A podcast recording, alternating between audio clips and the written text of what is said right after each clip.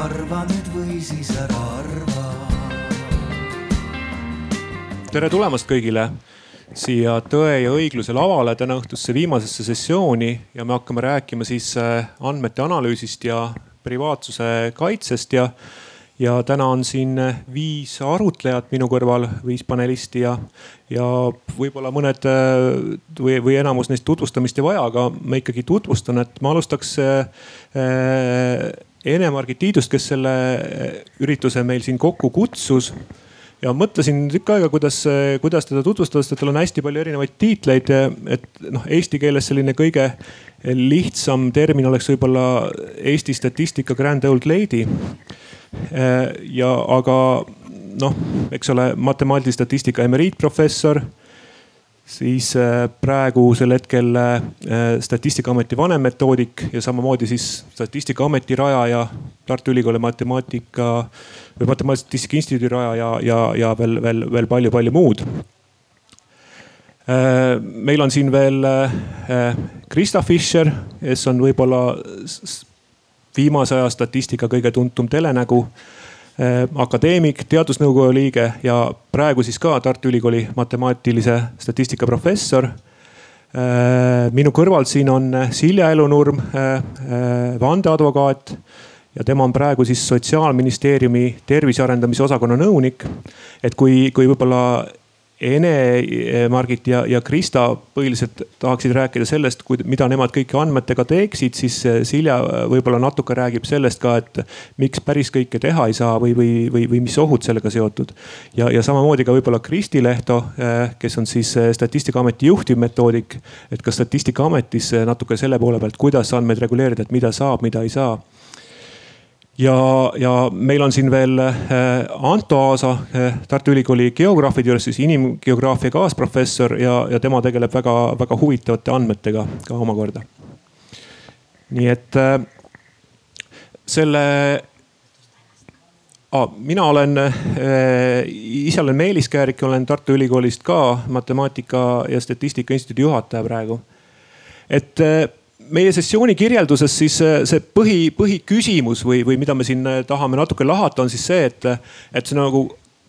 kaks suunda on nagu praegu, et meil on, äh, meil on see lugu, et me saame järjest rohkem andmeid koguda, meil on järjest, järjest paremad salvestamisvõimalused ja meil on järjest parem tehnika, et kõikvõimalikke metood, meetodeid andmete peale rakendada. teine küsimus on see, et kui neid andmeid nii palju on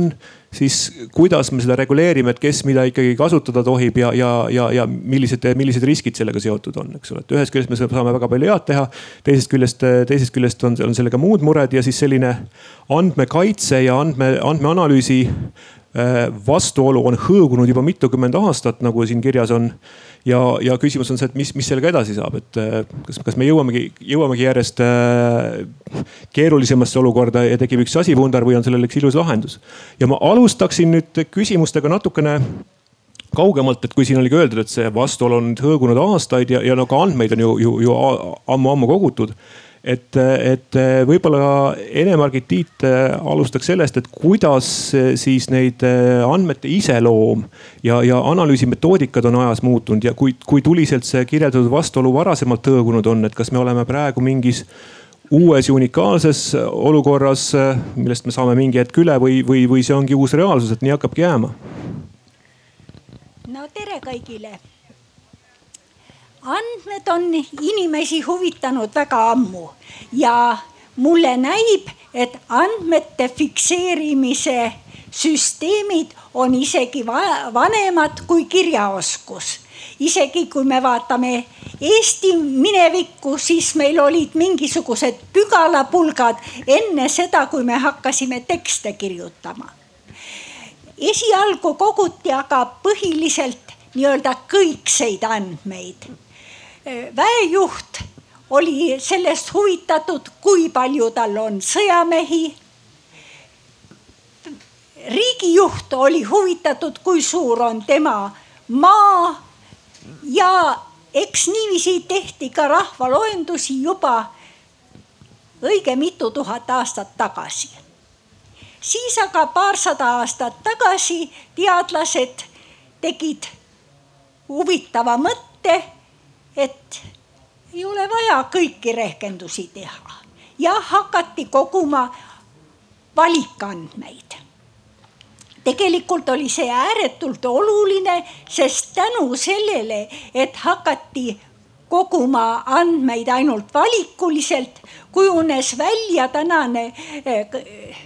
noh, võib-olla ka eilne matemaatiline statistika. nii hästi hüpoteeside kontrollimise teooria, hindamise teooria, kõik see kujunes välja siis, kui hakati koguma valikuliselt andmeid kuid see ei käinud sugugi lihtsalt. küllalt paljud teadlased ei uskunud valiku põhjal tehtud järeldusi ja ausalt öeldes mingil määral kestab see siiamaani. Aga andmeid ei varjatud ega peidetud siis üldse mitte. nii, kui nüüd edasi öelda, siis tekkis mõnikümmend aastat tagasi veel uus andmetüüp. nimelt leidsid teadlased, et andmed vedeleb ka nii-öelda tänaval maas ja need tuleb ka kokku korjata ja ka nende põhjal saab järeldusi teha. See oli siis see suurandmete kasutamine. ainult et nüüd oli uus probleem, ega need maas vedelevate andmete kohta ei olnud enamasti tausta teada. Need ei olnud planeeritud uuringu tulemused. selle jaoks endine statistika praegu väga hästi ei kõlba, ilmselt on tarvis uut statistikat. ja paarkümmend aastat tagasi, mitte varem paarkümmend aastat tagasi hakkas tekkima ka see, see mõte, et kuulge, neid andmeid võib ju inimeste vastu kasutada. ja see probleem on siis täna väga oluline. aitäh, kas keegi tahab lisada siia või, või ma tegelikult selles äh, läheksin edasi siit, et neid, neid andmeid, mida saab nüüd igatepidi koguda, et võib-olla sellised kõige huvitavamad või, või kõige, kõige sagedamini kogutavad andmed, mida meie kohta tegelikult ju kogutakse väga tihti, on mobiiliandmed, GPS-i andmed, et, et Anto inimgeograafina, et sina oled nendega väga palju kokku puutunud ja ehk sa oskad siin avada natuke seda teemat, et kui palju tegelikult siis meie kohta iga päev või, või isegi iga minut või sekund neid andmeid kogutakse ja, ja, ja mida tegelikult nende andmetega noh, võiks teha või, või, või, või saaks tulevikus head teha? jah, tere, aitäh küsimuse eest. Äh, tõepoolest viimased äh, viisteist aastat, äh, kui niimoodi ümardada, siis ma olen ilmselt mobiiliandmetega hästi palju tegelenud ma laiendaksin seda isegi, et, et tegemist ei ole ainult mobiiliandmetega, vaid äh, iga digitaalne teenus, mida me kasutame, tegelikult jätab ju meie tegemistest jälje, olgu see interneti kasutamine, kaardimaksed, kliendikaardi kuskilt terminalist läbitõmbamine ja nii edasi ja nii edasi. nii et, et see andmekogumine justkui niimoodi taustal käib kogu aeg, et isegi siis, kui te siin linna vahel kõndisite, jäite kaamera välja, vaatevälja, praegu jääte kaamera vaatevälja. ehk need on kõik andmed ju ja, ja need puudutavad teid. mobiili teemale natuke kitsamaks minnes, siis noh, keskmiselt keskmist inimest ei ole olemas, aga et, et neli kõnetoimingut päevas teeb iga, iga inimene, kui me vaatame Eesti, Eestis elavaid inimesi. ja, ja sellega salvestub siis äh, umbkaudne asukoht ja kellaaeg. Ja no mõistagi mobiilioperaator teab ka teie isikut, et pärast teile selle kohta arve saata. mobiilne internet sinna otsa veel, nii et lõpuks võib äh, päevas äh, koguneda niimoodi teie tahtliku tegevusena mitusada andmepunkti ja sinna juurde veel moodsad telefonid tegelikult suhtlevad iga mõne minuti tagant juba mobiilivõrguga. Ja ka see tegelikult jääb mobiilioperaatorite serveritesse. nüüd omaette küsimus on see, et, et mis nendest edasi saab, et, et kas see jõuab kuskile edasi või, või,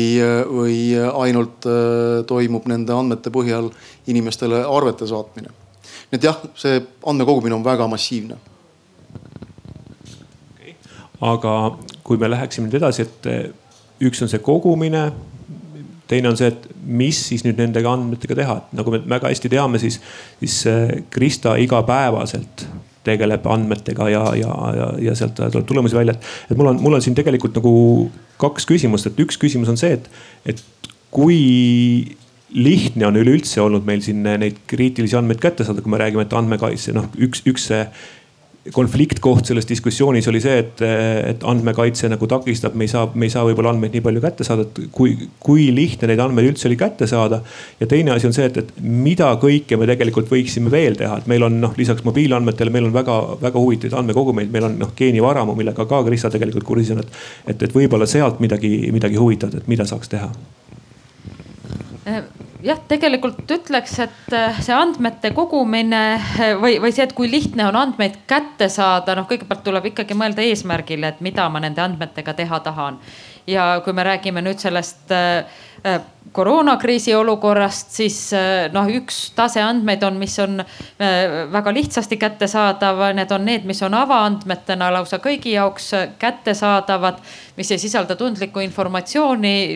inimeste kohta, et me ei saa sealt teada nendest andmetest, et kas keegi meie tuttavatest äkki on eile koroonasse nakatunud, aga me saame teada üldarvu, kui palju neid nakatunud oli, millistes, saame teada ka maakondade kaupa, kui palju ühest või teisest kohast saame teada vanuse rühmade kaupa.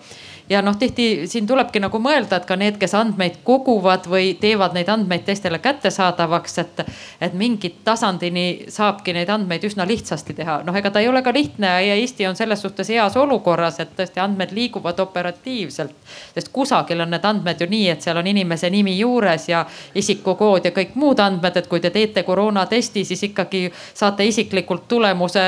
endale meili peale või e-tervisesse ja see viia, tuleb ju viia kokku teie isikuga, eks ju. aga, aga pärast edasi, et kui need andmed näiteks kasvõi minuni jõuavad, siis eh, selle koha peal see konkreetne isik ei oma tähtsust, vaid lihtsalt on arve vaja teada, nii et eh, oleneb tasandist, võib olla lihtne. muidugi, kui tahta minna rohkem sügavuti andmetesse, et kui nüüd tuua jälle seesama praeguse aja näide või, või ka neid näiteid võib ka geenivaramust, et kui on vaja viia kokku mitut andmebaasi, et no juba see, et kui ma küsin küsimuse, et kui suure tõenäosusega ütleme näiteks äh, neljakümne aastane meesterahvas koroonasse nakatudes võib haiglasse sattuda. Selleks ma pean kokku viima, et selliseid tõenäosusi arvutada, on vaja juba mitut andmebaasi kokku viia, et kõigepealt need, äh, kes on nakatunud, ehk siis need positiivsed testid ja siis teine andmebaas, kus on inimesed, kes on haiglasse läinud ja, ja siis on vaja seda ühenduslinki nende vahel, et me, et ma näen seda, ega selleks ei ole ka vaja minu jaoks ei ole vaja nimesid sinna külge, vaid, vaid samuti sellist koondit sellest, aga, aga jah, see, et seal on juba natuke seda raskust tekib juurde ja siis, kui me, toon ka siin geenivaramu näite, et kui me tahame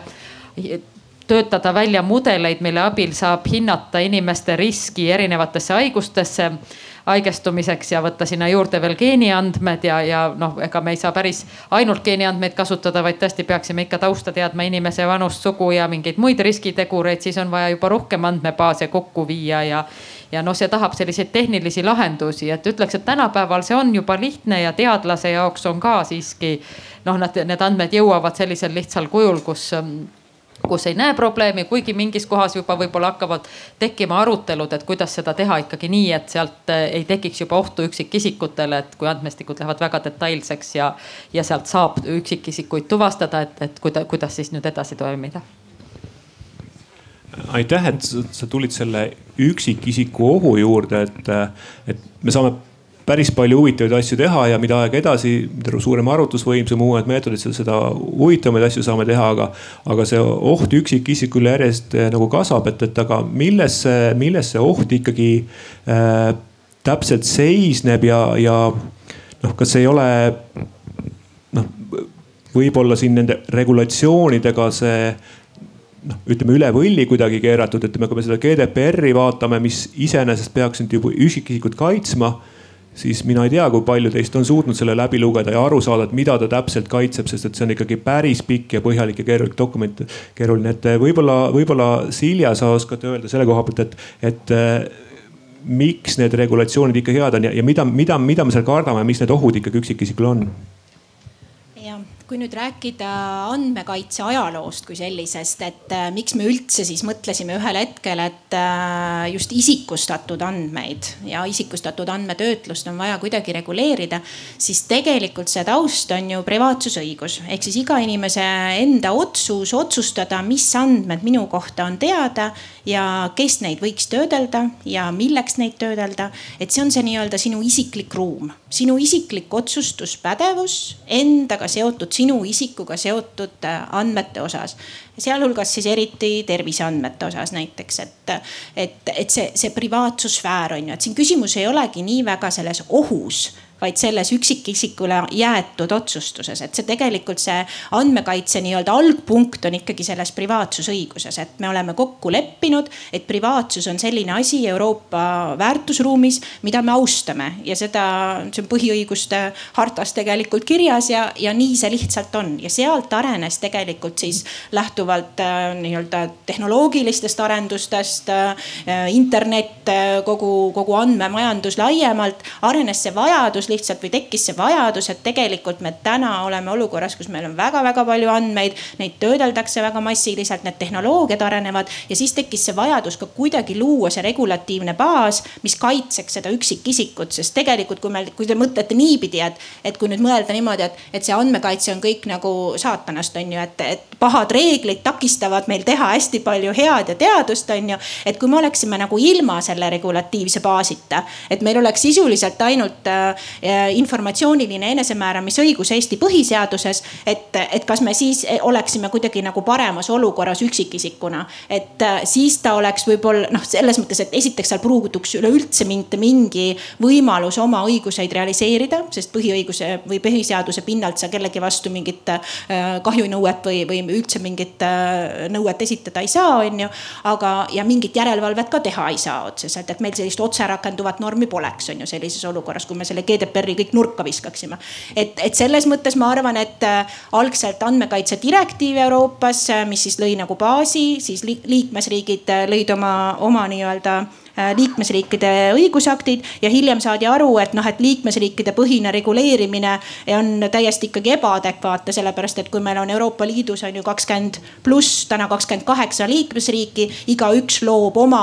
nii-öelda regulatsiooni, noh sellega me ka kuhugi ei purjeta, on ju, ja siis, siis oli see baas, kus leiti, et tegelikult meil on vaja otsekohalduvat äh, määrust, andmekaitse määrust, et mis siis looks selle regulatiivse baasi. teine asi on see, et kuidas see nüüd välja kukkus, on ju, et tõesti tõesti, et kui sa seda andmekaitse määrust loed, siis isegi äh, juristi või advokaadina on seda ikka väga raske lugeda, on ju, et ta ei ole kirjutatud äh, normi adressaadile selliselt, et, et adressaat ehk siis keda kaitstakse, andmesubjekt või siis isegi see, kes seda rakendama peab, ehk siis äh, andmete töötleja. Noh, vastutav volitatud töötleja, ütleme üks IT-ettevõte Äh, startup, ka teadlane, et kui ta siis selle, selle normi ette võtab, et ta saab aru, mis ta tegema peab. et tegelikult see norm ei ole jah selliselt kirjutatud, seda kõik äh, nendivad, kõik ütlevad, et aga noh, on pahasti, on ju. aga, aga noh, ega seda määrust kui sellist vaevalt, et ka nüüd suures plaanis äh, nüüd muutma hakatakse, aga mis on need üksikisiku ohud veel, kui me võtame selle, et noh, et õigus otsustada, et mina tahan, et minu andmed oleks privaatsed, et ma tahan ise otsustada, aga mis siis juhtuda saab, et, et noh, et mis nendega ikka nagu tehakse. ma arvan, et siin on tegelikult küberturvalisuse eksperdid oleks siin palju adekvaatsem sellele, adekvaatsemad sellele vastama, on ju. Aga, aga noh, tegelikult Äh, identiteedivargus, äh, ma ei tea, krediitkaardi andmete vargus, äh, mingid pettused, väljapressimised. ütleme terviseandmete vaates, kui on seotud mingi kindlustusvaldkonnaga, siis ütleme sinu terviseriski arvestades kõrgenenud kindlustusmakse on ju, kõrgenenud eluriski või selle elukindlustuse makse näiteks, et väga erinevaid asju võib tegelikult mõelda, mida need üksikisikule võiksid kaasa tuua. mainekahju, ma ei tea, internetis ripuvad mingid andmed üleval tulevikus äh, tööle saamisel, probleemid on ju noh, mis iganes, et tegelikult neid nii-öelda potentsiaalseid ohujuhtumeid üksikisiku tasandil on ju, ju küll. noh, kas me saame seda alati nagu rahasse arvutada, on iseküsimus. oih ja kas need ka alati äh, realiseeruvad, need ohud, see on ka teine küsimus, aga andmekaitse ei olegi mõeldud selleks, et ta, et ta rakendub ainult siis, kui oht on realiseerunud, et ta on ikkagi ennetava, ennetava meetmena tegelikult see regulatsioon, et jah. Aitäh, et äh, jah, et see on, see on äh, arusaadav, et mõt-, vabandust, et, et mõte oli, et mõte oli hea, aga, aga, aga tulemus võib-olla ei olnud jälle kõige parem, aga aga ütleme, samade muredega puutub kokku ka Statistikaamet, et, et küsimus siin Kristile, et et kuidas teie hakkama saate, et siin, kui, kui on küsimus on, üks on, üks on siis nagu see andmete analüüsi küsimus, teine, teine on ka see, et, et statistikaamet peab ju väga palju andmeid välja andma. ja, ja, ja seal tekib samamoodi mure, et kas need andmed on piisavalt agregeeritud või on seal, või on seal liiga üksikisiku infot välja lugeda, et, et kuidas te, kuidas te sellega olete hakkama saanud, et mis, millised need, millal need andmed konfidentsiaalseks muutuvad ja, ja, ja võib-olla kuivõrd te, kogu aeg nende asjadega seal tegelete, et võib-olla selline natukene filosoofilisem küsimus ka siia õhku, et, et mis üldse on konfidentsiaalsed andmed tegelikult tänapäeval? tulengi siis sellest üksikust rohkem üldisele tagasi, et Statistikaameti põhiline noh, väljund on ikkagi agregeeritud äh, andmetabel, andmetabelid. et ei, me ei, ühegi inimese kohta üksikisikuliselt, eks ju, midagi ei, ei avalda. ja selliseid andmeid ka kuhugi välja, kellelegi välja ei anna, kui just ei ole eraldi teadus lepe teaduse kasutamiseks.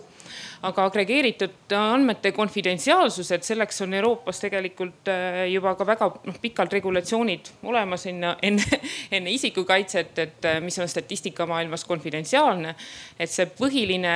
mm, definitsioon on sellele siis agregeeritud tabeli puhul, et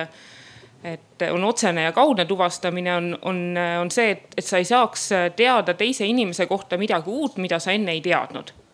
et kui sa saad midagi teada, siis oled juba nii-öelda, me oleme avaldades konfidentsiaalsust rikkunud. et tihti tahetakse siin äh, nii-öelda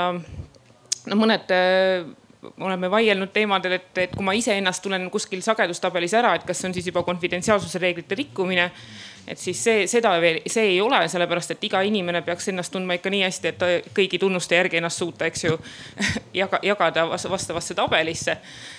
on see siis soo, vanuse või elukoha järgi, eks ju, et selles mõttes äh, see ei ole konfidentsiaalne. kui sa tunned oma pereliiget ka nii hästi, et tema leia, leiad, eks ju, üles äh, tabelist, et, et ka see, see ei ole konfidentsiaalse rikkumine. aga kui sa nüüd mingisugust taustainfot teades saad teada inimese kohta midagi uut, mida sa ei teadnud enne tema kohta, siis see on nii-öelda siis konfidentsiaalsuse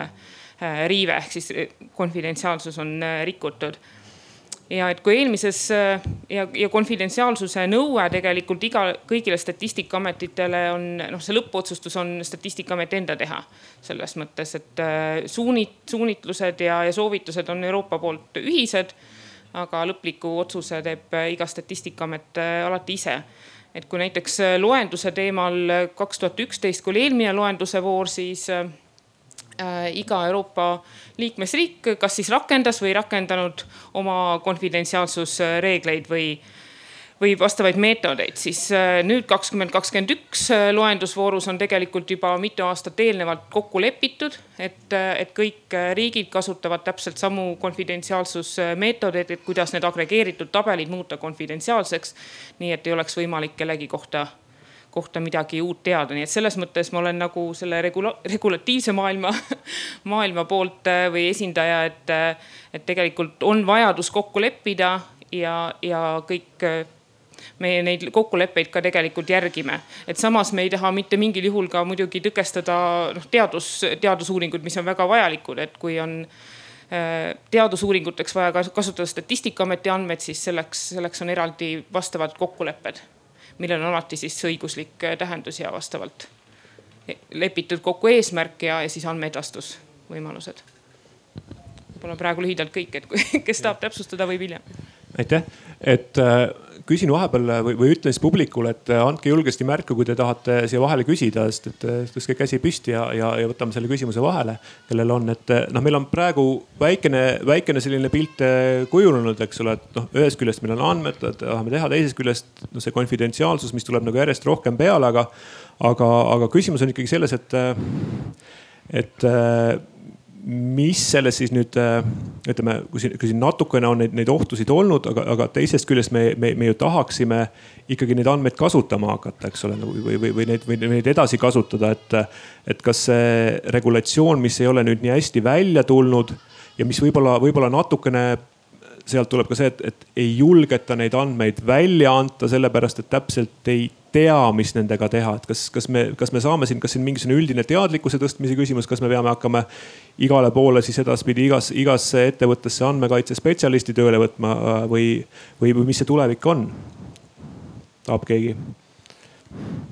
no ma võin öelda niimoodi, et võib-olla on küsimus pigem selles, et äh, esiteks äh, kogu selles diskussioonis nüüd tuleb väga selgelt aru saada, et, et mis andmetest me räägime, et kas me räägime ikkagi nagu isikustatud andmetest, pseudonüümitud andmetest või me räägime anonüümiseeritud andmetest, on ju. Kolm väga selget erinevat kategooriat andmekaitse vaates, et kõige nüüd äh, kriitilisem on või nagu kõige keerulisem on muidugi nende isikustatud, väga selgelt isikuga kokku viidavate andmete töötlemine on ju, et, et seal on GDPR-i põhimõtted väga-väga selged, on ju, et sul peab olema õiguslik mõistlik alus töötlemiseks, järgima väga selgeid protseduurilisi, organisatoorseid ja tehnilisi meetmeid, kuidas sa neid kõike töötled, on ju. eesmärke, minimaalsus, nii edasi, nii tagasi, on ju. et, et kuidas sa seda rakendad, võib-olla küsimus ongi selles, et kas tõesti see teadlikkus esiteks ühest küljest, sest et GDPR ei loo meil erisusi näiteks. ta ei loo erisusi andmekaitse nii-öelda nõuetes äh, selles kategoorias, kas neid andmeid töötleb, ütleme väikeettevõte, äh, teadlane või siis äh, riik. tegelikult need reeglid on ühetaolised kõikidele kõikidele, et olenemata sellest,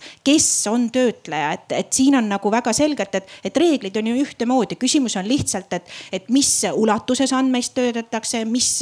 kui palju neid töödeldakse ja mis, mis andmetega tegemist, et on, et eriliigiliste terviseandmete puhul veel eraldi spetsiifilisemad nõuded, aga, aga tegelikult noh, vot see teadlikkus ka on ju, et, et riigi puhul või, või ütleme suurema ettevõtte puhul, et see võib-olla see teadlikkus on tõesti nagu kõrgem kusagil väikeettevõtte puhul või ka nii-öelda väiksemas teadlasgrupis võib-olla, noh, ma ei tea, on ju, et, et seal võib olla ka see teadlikkuse küsimus on ju, et kes nüüd sellega nagu tegelema peaks, on jälle nagu iseküsimus, et, et äh, regulatsioon tuli, äh, rakendama peab, andmesubjekt on, keda kaitstakse, aga kes siis nüüd nagu tegelikult jõuab sinnamaani, et, et kõik ühtemoodi aru saaks, ühtemoodi rakendaks ja veel ka järelevalve toimiks, on ju. et, äh, et vot see on nagu see küsimus. veel kontrollisin üle, enne kui ma siia tulin, et, et kui palju on Eesti Andmekaitse Inspektsioon positsioonis inimesi tööl. et neid on täpselt äh, kaheksateist tükki. Äh, nendest enamus on juristid ja siis on äh, paar tehnoloogia ja nagu tehnoloogia valdkonna nagu eksperti seal, et tegelikult noh, kui me räägime nüüd siis sellest, et, et, et meil on nagu andmeid, meil on meeletud piirangud, me ei saa mitte midagi teha, siis järelevalve on meil täpselt nii suur. meil on nagu kaheksateist inimest Eestis ja nendest enamus on juristid, kes siis oskavad normi arvatavasti lugeda, ma usun väga hästi. et aga, aga see tegelikult see tehnoloogiline, et see privacy by design ja privacy by default, et kuidas sa tegelikult ikkagi andmesüsteeme üles ehitad selliselt, et nad tehnoloogiliselt juba kaitseks seda andmesubjekti et noh, see on nagu küll suur küsimus ja minu arust sinna tuleks nagu väga selgelt nagu see teravik suunata, kui me tahame esiteks kaitsta seda subjekti ja teiseks luua uusi lahendusi, mis privaatsust arvesse võtaks ja samas võimaldaks ka väga mõistlikku andmetöötlust. et jah, võib-olla ma läksin teemast kaugemale, aga, aga see on nagu see teema aga, aga võib-olla siin küsiks edasi, et, et selle noh, subjekti teadlikkus, et, et millised õigused ta annab või ei anna, et kui me, kui me iga päev internetis kuskile lehele läheme, seal on kogu aeg on nüüd pärast seda, kui see GDPR tuli, sa pead kogu aeg ütlema, et kas sa nüüd lubad küpsiseid, ei luba küpsiseid, eks ole, et, et kas noh, mis me sellega nagu ära anname, et mingi, mingeid andmeid nagu kogutakse, mingeid andmeid ei koguta. et, et noh, üks, üksikisiku poolest, et, et mõnikord võib-olla noh, ma ütleks, et mul oleks nagu lihtsam, kui ma ei peaks sellele küsimusele kogu aeg vastama. aga, aga noh, teisest küljest jälle, et kui ma ka täpselt ei tea, mis õigused ma ära annan, siis on no väga ei tahaks igaks juhuks anda ka, eks ole. et äh, kuhu me, kuhu me sellega nüüd äh, ikkagi jõuame, on küsimus, et kas see, ühesõnaga küsimus on tegelikult selles, et kas me äh, praegu näeme seda, et me saame selle olukorra kuidagi ilusti ära reguleeritud niimoodi, et ka tulevikus, kui andmeid järjest rohkem ja rohkem, uut tüüpi andmehulki peale tuleb, et me, et me saame selle ära reguleeritud või pigem on niimoodi, et me hakkamegi sellist äh, noh ringmängu mängima, et tehnoloogia kasvab edasi, siis on jälle uued reeglid ja reeglid võib-olla ei tule jälle esimese korraga nii ilusad ja selged välja ja lähevad järjest keerulisemaks, järjest keerulisemaks ja lõpuks on niimoodi, et me võib-olla ei saa üldse midagi kasutada, võib-olla me jõuame, jõuame sellisesse olukorda, et, et parem on kasutada mingisuguseid ütleme vanemat tüüpi andmeid, me saame oma analüüsi kiiremini ära tehtud, kui hakkame, hakkame uurima, kuidas, kuidas me teistele andmetele üleüldse ligi saame, et võib-olla Anto oskab siin kommenteerida, sul natukene seda tüüpi kogemust on. Jah, no GDPR-i on siin äh, mainitud mitu korda, kui ma äh, mobiiliandmetest lähtuvalt äh, mõtlen, siis äh, tänaseks on päris paljud selle tegelikult juba läbi lugenud ikkagi ja, ja ka aru saanud, äh, mis seal on sõnastatud. ja kui ma vaatan oma mätta otsas, siis näiteks mobiiliandmete puhul GDPR tegelikult ei piira mitte kuidagi neid analüüsida. siis toodi välja miks ei tohiks seda analüüsida, on näiteks sideseadus. ehk siis ma tahan jõuda selleni, et, et tehnoloogia andmekogumine analüüsivõimekus, see kõik areneb nii kiiresti, et ka regulatsioon tegelikult ei pruugi hästi järgi jõuda või, või, või see praktika vähemalt, kuidas seda regulatsiooni rakendada. ja, ja äh, hästi palju tekib äh, haridusega seotud küsimusi, et ma ise arvan, et haridus päästab maailma ja, ja selles valdkonnas oleks väga palju äh, seda ruumi, kus seda haritust oleks võimalik tõsta. et tellija andmekaitsja. ega see, kui on andmekaitses on hästi vähe inimesi, ei tähenda seda, et, et äh, oleks hästi halvasti kaitstud, vaid võib tähendada täiesti vastupidist olukorda, et kõik pannakse igaks juhuks lukku. et kõik oleks kaitstud. nii et äh,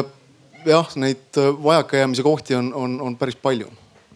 ja ma tahaks selle andmekaitse inspektsiooniga õudselt, ma olen alati tahtnud vandeadvokaadina nendega tea, diskussiooni astuda. Nemad ei taha minuga diskussiooni astuda, nemad tahavad ainult järelevalvet teostada, et, et selles mõttes see on nagu hästi huvitav situatsioon, et sa tahaks minna nagu pigem ennetavalt võib-olla läbi arutada, et maandada mingid riskid ja sa nagu tõesti oled veendunud, et nemad riikliku järelevalveasutusena võiksid mulle siis selle tõlgenduse nagu öelda ettevõtja jaoks on ju, et, et kui ma teen nii või kui ma teen naa, et noh, nüüd on siis ikkagi nagu enam-vähem nagu okei okei, on ju. aga seda, noh, seda sealt ei saa täna on ju, et, et võib-olla nagu see oleks ka asi, mis ju võiks teoreetiliselt olla, et, et, et tegelikult selline toetav, äh, innovatsiooni toetav nii-öelda uusi lahendusi toetav, äh, noh mõtestatud koostöö on ju, mitte ainult see, et, et ma nüüd vaatan, et kas siin ütleme õigusakti äh, normitehnilises vaates, et kas mul tõesti see andmekoosseis on ikka väga detailitäpsusega paigas on ju ja ma noh punktilt peal loen nagu seal järge, aga tegelikult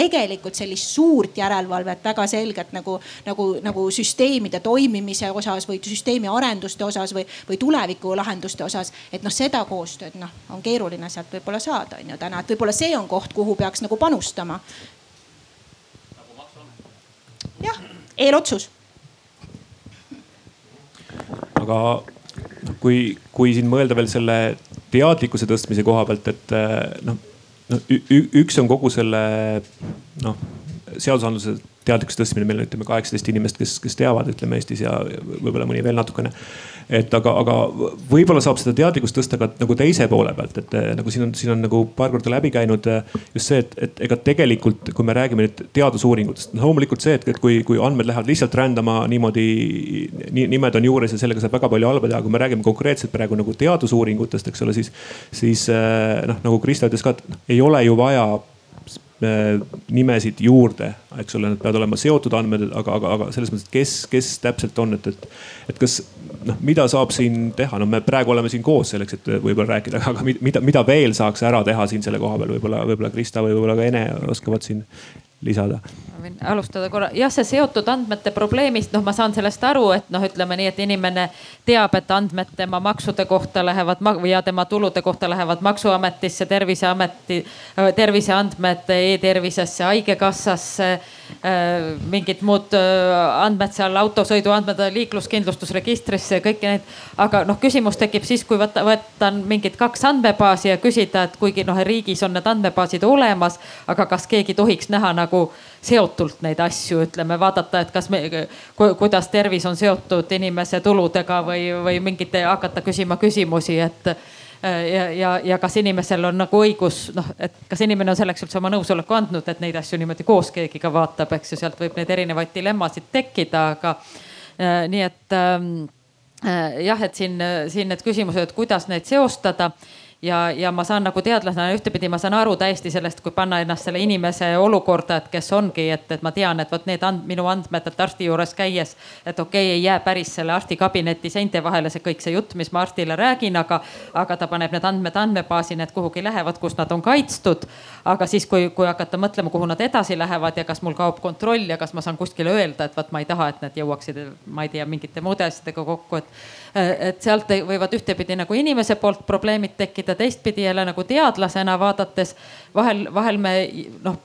jälle teaduse huvides on vaja viia neid erinevaid andmebaase kokku, et, et saada no kasvõi needsamad terviseriskide mudelid, et, et kui näiteks mudelis on oluline äh, tegur, mis äh, mõjutab inimese riske, ka inimese haridustase, et, et siis tõepoolest võib-olla see hariduse info sinna terviseandmetele juurde, et me saame paremini hinnata, et, et kuidas, kuidas kasvõi näiteks, millest on see, sõltub inimese südamehaiguse või vähirisk. Ja, ja, ja siis tuleb juba pigem mõelda ka teadlase puhul seda, et, et ka see teadlane kui andmetöötleja peab käituma eetiliselt, peab ka eetikakomiteed on selleks loodud, mis sellele siis ka silma peal hoiavad. jah võib-olla no, sihuke heietus natuke siin sel teemal. õiguslikult on probleem nagu selles, et riiklikud andmekogud on ju kõik nad on noh, iga riiklik andmekogu, seal on keegi vastutav töötleja on ju, et see on keegi, kes on, kellel on antud nii-öelda õigus ja tal on antud ülesanded konkreetse andmekogu raames. nüüd on küsimus jah, et see just see küsimus, et kui see andmekogu tahab saada kokku teise andmekoguga, sellel teisel andmekogul on samamoodi vastutav töötleja, kes tegutseb oma põhimääruse raames ja vot need kaks põhimäärust omavahel nagu kokku ei saa, sellepärast sellepärast et seda pädevust ei ole. ei ole ühel õigust teise andmeid kokku viia ei ole teisel õigust teise andmeid kokku viia. et vot see on see koht, et nende andmete kokkuviimise protsess on ka omakorda andmetöötlus, on ju. ja nüüd on küsimus, et kas selleks peaks olema näiteks isikuandmete kaitse seaduses, mis meil on X äh, paragrahv kuus on äh, teadus-arendustegevuses andmete töötlemine, on ju. et äh, äkki seal peaks olema mingi koht, mingi spetsiifiline regulatsioon andmaks kellelegi siis seda pädevust tegelikult seda ühildamist teha, on ju. et, et, et vot see on nagu see, see puudujääk praegu ütleme nagu regulatiivses baasis, millega tuleks võib-olla siis nagu tegeleda. et kui see nii-öelda see vastutav töötlejad on üks et ütleme terviseandmete vaates on ju, et, et selles ühes valdkonnas üks vastutav töötleja viib erinevatest andmekogudest andmest kokku näiteks Tervise Arengu Instituut on ju. et väga mitmete registrite nii-öelda vastutav töötleja ja polegi nagu küsimust, on ju. aga justkui on need nii-öelda noh, nii-öelda valdkonnaülesed kokkuviimised, vot seda, seda varianti, seda õiguslikku baasi meil jah täna ei ole ja sellega siis tuleks, tuleks siis tegeleda, ütleme nii, et seda siis luua minu teada siiski statistikutel on õigus kasutada riiklikke äh, registreid muidugi anonüümiseeritud no, kujul, anonüümiseeritud kujul. Ja see tähendab seda, et tegelikult kogu selle info, mis erinevates registrites on, saab kokku panna, mis tähendab seda, seda, et me muuhulgas saame teha rahvaloendust ilma küsitlemata ja, ja saame, saame ka eh, tekitada mitmesuguseid indekseid selgitamaks, missugused inimesed eh, elavad meil ja missugused mitte. ainult et see on kõik anonüümiseeritud kujul see on anonüümiseeritud ja riikliku statistika eesmärgil, ehk siis ja. seal on kaks väga spetsiifilist kategooriat, aga meil on eraldi kategooria on näiteks pseudonüümiseeritud teadus-arendustegevuse eesmärgil. Ja vot see on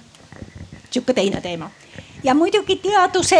teaduse jaoks on ka see võimalus, aga ainult, et teadlastel ei jätku sageli küll ainult anonüümiseeritud andmetest, vaid tahaks veel midagi juurde saada, midagi küsida ja nii edasi. ja selle jaoks on siis kõik need eetikakomiteed ja muud niisugused eraldi regulatsioonid ja siis on juttu jah rohkem nendest pseudonüümiseeritud andmetest, kus on küll juures, et mingi mingisugune number, mida, mis on ühel inimesel ühesugune, unikaalne, aga ta ei ole päris isikukood, vaid tekitatud ekstra selline kood, mis on sama mitmes erinevas andmebaasis ja, ja millega siis saab jah neid kokku viia, aga seal, seal on tõesti vaja nagu hoolikalt äh, ka kaalutleda seda eetika poolt, et äh, kui palju selliseid asju saab teha, mis on eesmärk ja kas äh, ja, ja kuidas seda tuleks teha ilusti nojah, võib-olla, et asi ei oleks nüüd nii pessimistlik, et tegelikult äh,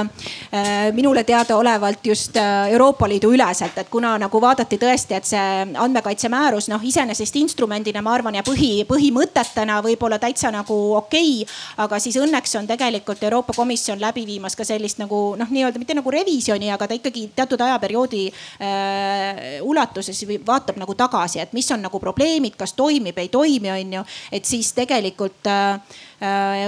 Euroopa siis andmekaitse, European Data Protection Board, et nemad on just välja töötamas näiteks terviseandmete teadus- ja arendustegevuses kasutamise jaoks äh, uut guideline'i. Äh, pidi välja tulema nüüd kaks tuhat kakskümmend üks esimene pool, ei tulnud, ju siis tuleb äkki teine pool. et, ähm, et tegelikult sellist nagu noh, nagu kaardistust ja et kus need probleemid on ja kus need lahendused on, et, et seda ju tehakse, et, et see ei ole nagu päris nagu nullseis seis, et, et meil nüüd siin midagi ei tule. ja, ja tegelikult see väga olemuslik probleem on ikkagi see anonüümiseerimine ja pseudonüümiseerimine, et, et kui äh, see nii-öelda pseudo, pseudonüümiseerimise key on kellelegi nagu kättesaadav, kas see on ka sellele teisele isikule, kes kasutab neid pseudonüümiseeritud andmeid kättesaadav? Ja kui ta ei ole, kui ta ei ole faktiliselt, õiguslikult, äh, organisatoorselt nii edasi, kas need andmed ei ole ikkagi juba selle isiku jaoks anonüümsed andmed, et see on tegelikult selline andmekaitse fundamentaalne äh, küsimus täna ja tehnoloogilised lahendused, ma arvan, annaksin siin väga palju juurde. et, et jõuda sinnamaani, et see nii-öelda see järgmine töötleja, kellel ei ole seda võtit, et tema jaoks oleks ikkagi tegemist nii-öelda anonüümsete andmetega ja me nende, nende nii-öelda kasutust ei, ei piiraks põhjendamatult jah, aga siin vist küsimus võib tekkida selle koha pealt, et kui see võti on nii-öelda ühe baasi põhine ja siis meil on teine baas, millega me tahame ühenduda, kus on teine pseudonüümiseeritud võti. siis need võtmed ei, ei lähe, lähe kokku, selleks on meil ikkagi vaja neid kuidagi mingisugusel kõrgemal tasemel ühendada, aga, aga jah, no vähemalt, vähemalt on hea, et see asi kuhugi poole liigub. oli vist üks küsimus.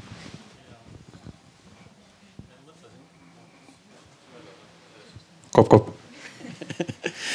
et äh, ma jäin mõtlema natukene, et miks me, miks andmeid kaitstakse ja, ja mis on ka nende tegevuste eesmärgid, et igapäevaselt me anname täiesti vabatahtlikult ära meeletus koguses infot Google'ile, Facebook'ile ja nii edasi, olen ise olnud äh,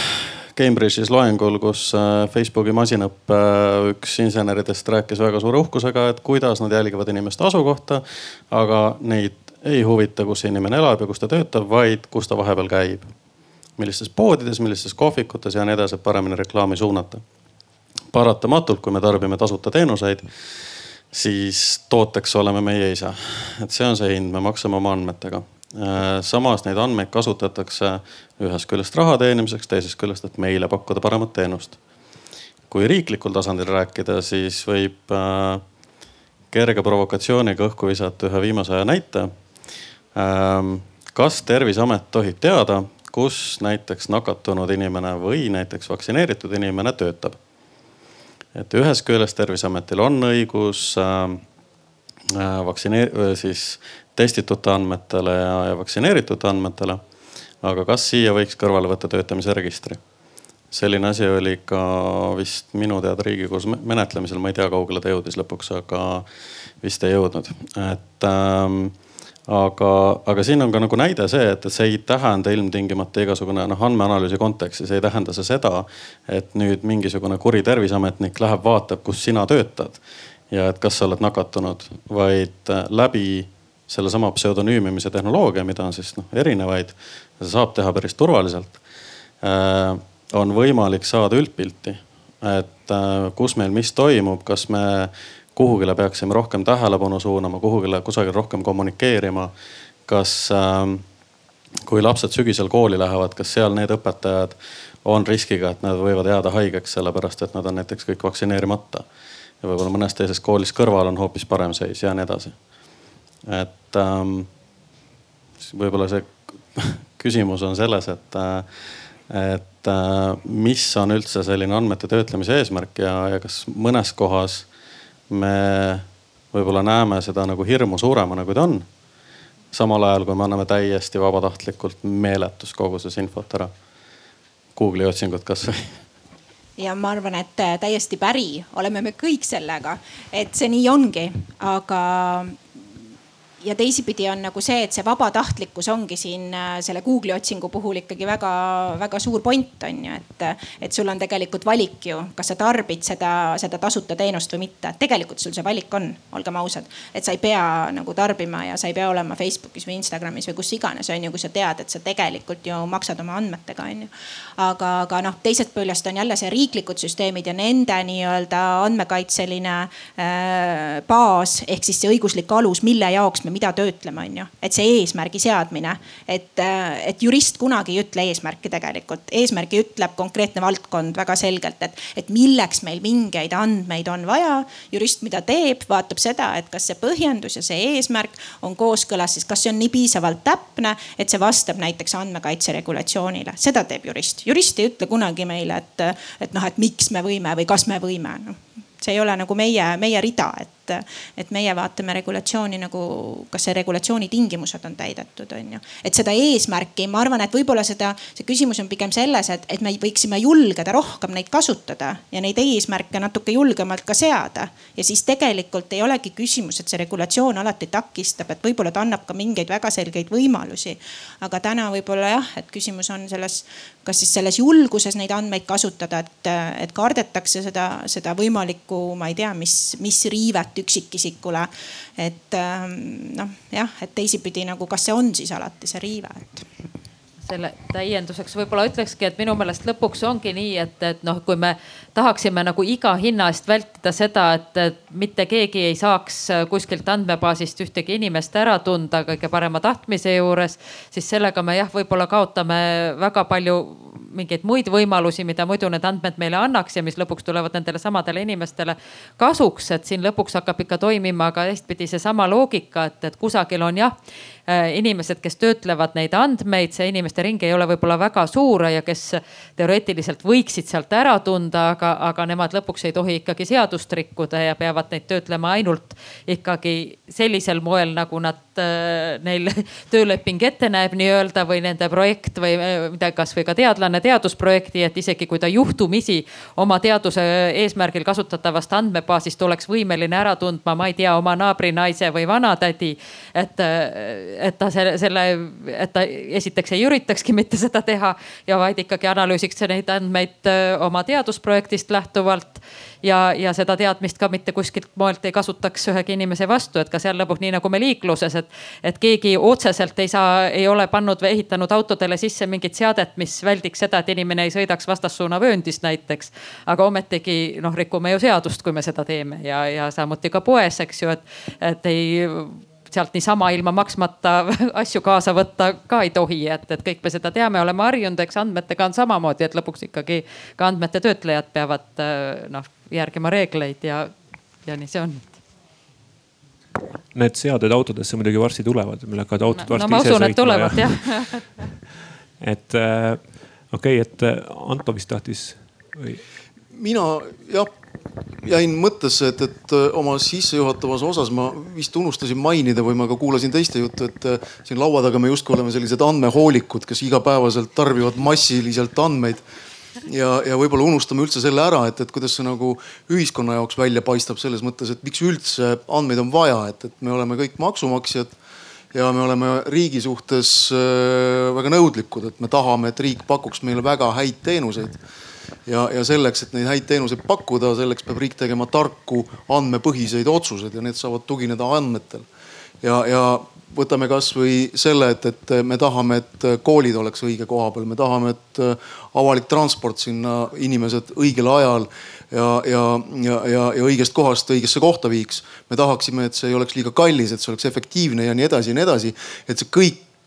loobki selle eelduse, milleks meil on andmeid vaja ja neid miks on vaja neid väga hästi ja samal ajal privaatsust kaitstes ka uurida aga kui, kui nüüd vaadata, et okei okay,, andmeid on vaja, me oleme andmetest rääkinud, et võtaks nüüd natuke nende erinevad andmetüübid ette, me natuke registritest oleme rääkinud, et, et, et, et Enedit nende eh,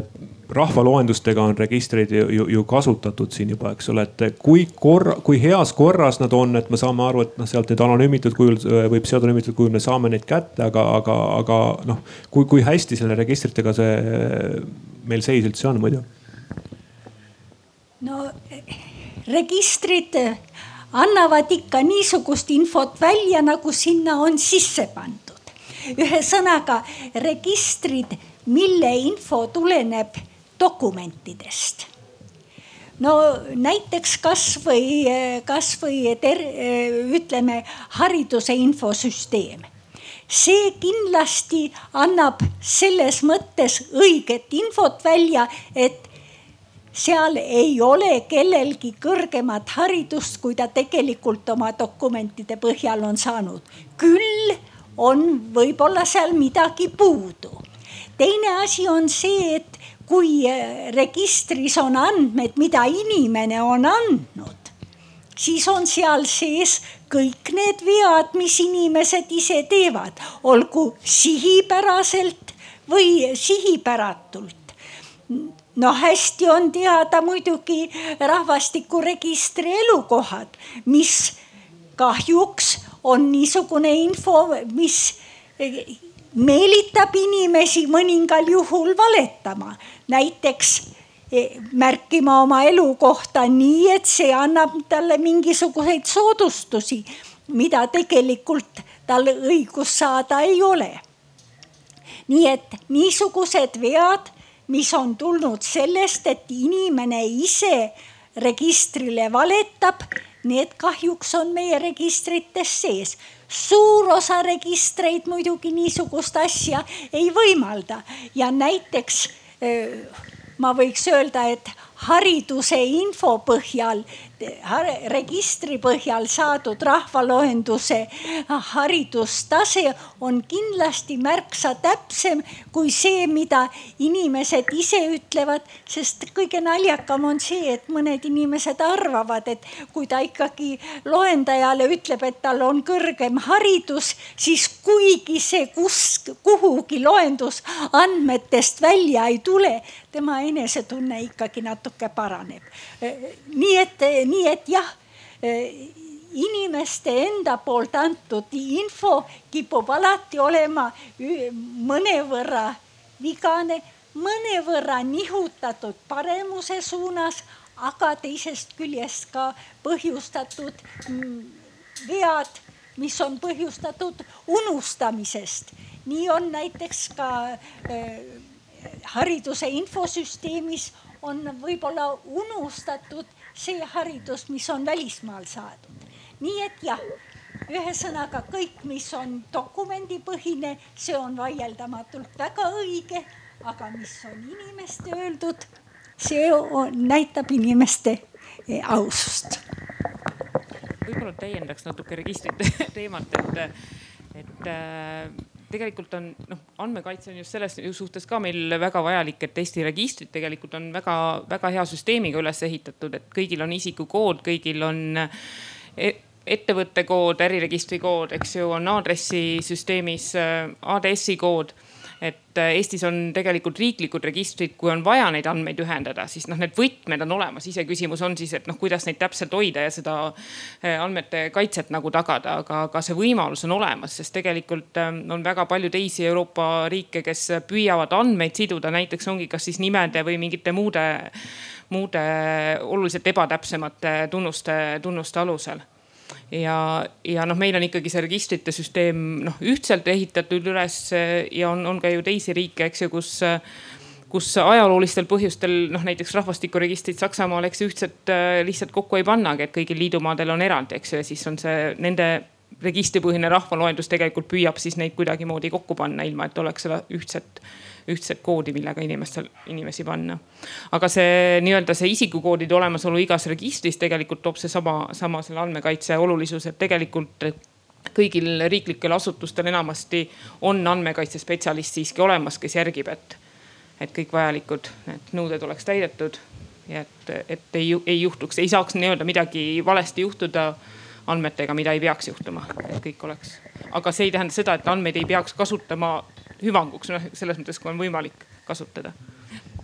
no ma lisaksin siia juurde, et, et eks me oleme Statistikaametis välja töötanud ka niisuguseid metoodikaid, millega me parandame vigu registrites, ainult et ega me neid ei paranda tegelikult mitte. registris, rahvastikuregistri andmed jäävad ikka selliseks, aga ainult, et me teeme oma registri Statistikaametis, mille järgi me teeme siis neid järeldusi. Ja, ja niiviisi meil on üsna mitmed metoodikad välja töötatud, mis annavad infot täpsemini, kui see on registrites kui mõelda, et aadressid on see info, mis, mis võib-olla kõige, kõige nigelamas seisus on registrites, sellepärast et noh, inimestel võib olla mitu aadressi, inimene võib-olla tõesti ühel või teisel kaalutluselt tahab ennast registreerida mingite soodustustega ühte või teise kohta et eh, noh, tegelikult meie mobiilioperaatorid teavad väga hästi, kus me elame. nutitelefonid teavad väga hästi, kus me elame, et noh, jõuad koju, kaardirakendus ütleb, et tere tulemast koju, noh et. et kas, kas seda infot kuidagimoodi on ka kasutatud või on, on võimalik kasutada tegelikult? me, me see ei ole vist jälle kättesaadav, et võib-olla, võib-olla on see esimene küsimus on Antole siin, et, et äh, kui lihtne seda tüüpi andmeid, ütleme mobiilpositsioneerimise andmeid kätte saada, need on meil enamus ju era, eraettevõtetelt, see on ju noh, võib, võib-olla hoopis rangem igaks juhuks, sest et noh palju, palju seal see teadusuuringute huvi on või palju nemad selleks, noh riigiasutus on võib-olla kohustatud välja andma teadusuuringuteks, aga erafirmal seda, seda kohustust ju ei ole. jah, see kätte mobiiliandmete mobiilpositsioneerimise andmete kättesaadavus on äh, murekoht olnud äh, siin mitu viimast aastat. Äh, me alustasime oma tegevusega pea viisteist aastat tagasi ja, ja, ja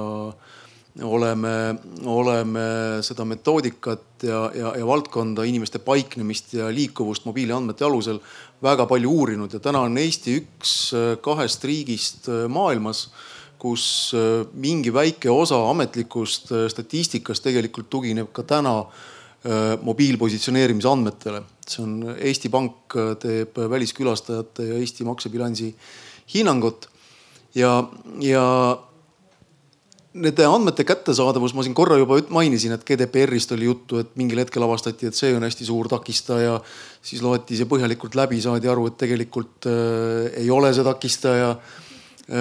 siis leitakse jälle mingi äh, sideseaduses on keegi äh, noh, ei nähtud ette, et kunagi võiks hakata neid andmeid mingiks muuks otstarbeks kasutama kui sideteenuse pakkumiseks. ja kuna seda ei ole seal kirjas, siis järelikult ei tohi seda kuskile mujale välja jagada. ja, ja siis sekkub andmekaitse, ütleb, et tegelikult kõik on korras, need on, andmed on anonüümsed, kui nad teadlaste kätte jõuaksid et selle üle ei ole vaja muretseda ja siis tulevad mängu hoopis operaatorite ärihuvid, et äh, üha rohkem ja rohkem räägitakse nii-öelda ühiskondlikust vastutusest, et äh, nad on nii olulised, nii tähtsad, nii rikkaliku andmestiku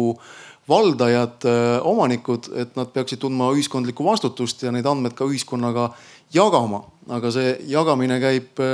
väga tihti niimoodi, et see maksab hästi palju ja, ja kui nad maksavad, äh, need andmed maksavad hästi palju, justkui nendest kõnetoimingutest, asukoha andmetest loodud uus informatsioon inimeste paiknemise kohta, inimeste liikuvuse kohta,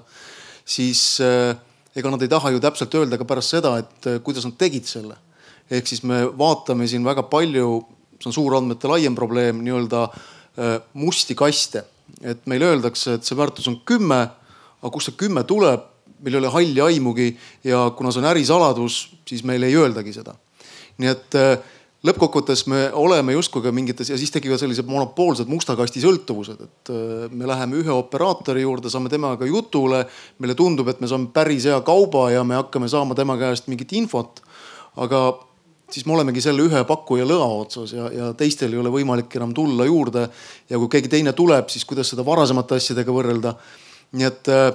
et eh, mida mina näen lahendusena natukene või, või seda räägitakse eh, üha rohkem, on see, et oleks vaja sellist riiklikku suunamist, strateegiat, nii-öelda vahemeest või neutraalsemat organisatsiooni, võib-olla see ei tohi ka riik olla. et võib-olla see peab olema hoopis mingi kolmas organisatsioon, kes ütleb, et neid andmeid tohib saada, neid tohib saada sellisel kujul ja nad kõik võiksid olla sellise formaadiga siis me saame sellest äh, rääkida, et me saame arendada metoodikaid hästi. me saame erinevatest andmeallikatest saadud tulemusi omavahel võrrelda ja nii edasi ja nii edasi, nii et see on väga lai lahendamist vajavate küsimuste hulk. aga need kaheksateist inimest ei sobi selleks, et, et, et sellega tegeleda või, või on no Andmekaitse Inspektsioon on vaata järelevalveasutus, et tegelikult nemad ikkagi ootavad mingit strateegiat, visiooni, suunist, regulatsiooni ju, ju mujalt on ju, et nemad teostavad järelevalvet juba, et järel, me jõuaksime väga halba olukorda, kui järelevalveasutus hakkaks nüüd strateegiat seadma. No,. järelikult me oleme jõudnud olulise lahenduseni, et meil on vaja ühte täiesti uut, uut organisatsiooni või, või, või, või teine küsimus, et kas on mõni organisatsioon või, või kes, kes võiks selle küsimusega tegelema hakata siis? väga hea küsimus. Öeldakse siis, kui ei teata täpset vastust. kindlasti, kindlasti äh, äh, leiaks see, ma ei tea, kasvõi Teaduste Akadeemia, mingi muu selline katusorganisatsioon, Infotehnoloogia Liit või, või, või midagi sellist et, et kindlasti sellised erialaorganisatsioonid äh, või, või sellised otsustavad kogud peavadki kaasama erinevaid osapooli, et andmekaitse peab olema esindatud. Äh, need inimesed, kes saavad aru, mis seal spetsiifilistes, olgu need mobiiliandmed või midagi muud, mis seal sees on, mis need tegelikud privaatsusohud on. noh, me tegelikult, äh, teid kõiki ju positsioneeritakse praegu teie mobiilioperaatori poolt, aga mitte selle meetri täpsusega, vaid te olete kuskil siin Paide linnas ehk äh, sa pead aru saama ka seda, et mis on andmete täpsus, äh, mis on see oht, nii et need osapooled peaksid olema võimalikult mitmekesised, aga kas kohe täna on võtta kuskilt riiulist selline organisatsioon, ma niimoodi ei oska öelda, võib-olla keegi teine. keegi ei taha. publikust ka keegi ei paku ah üks küsimus on või vastus äkki?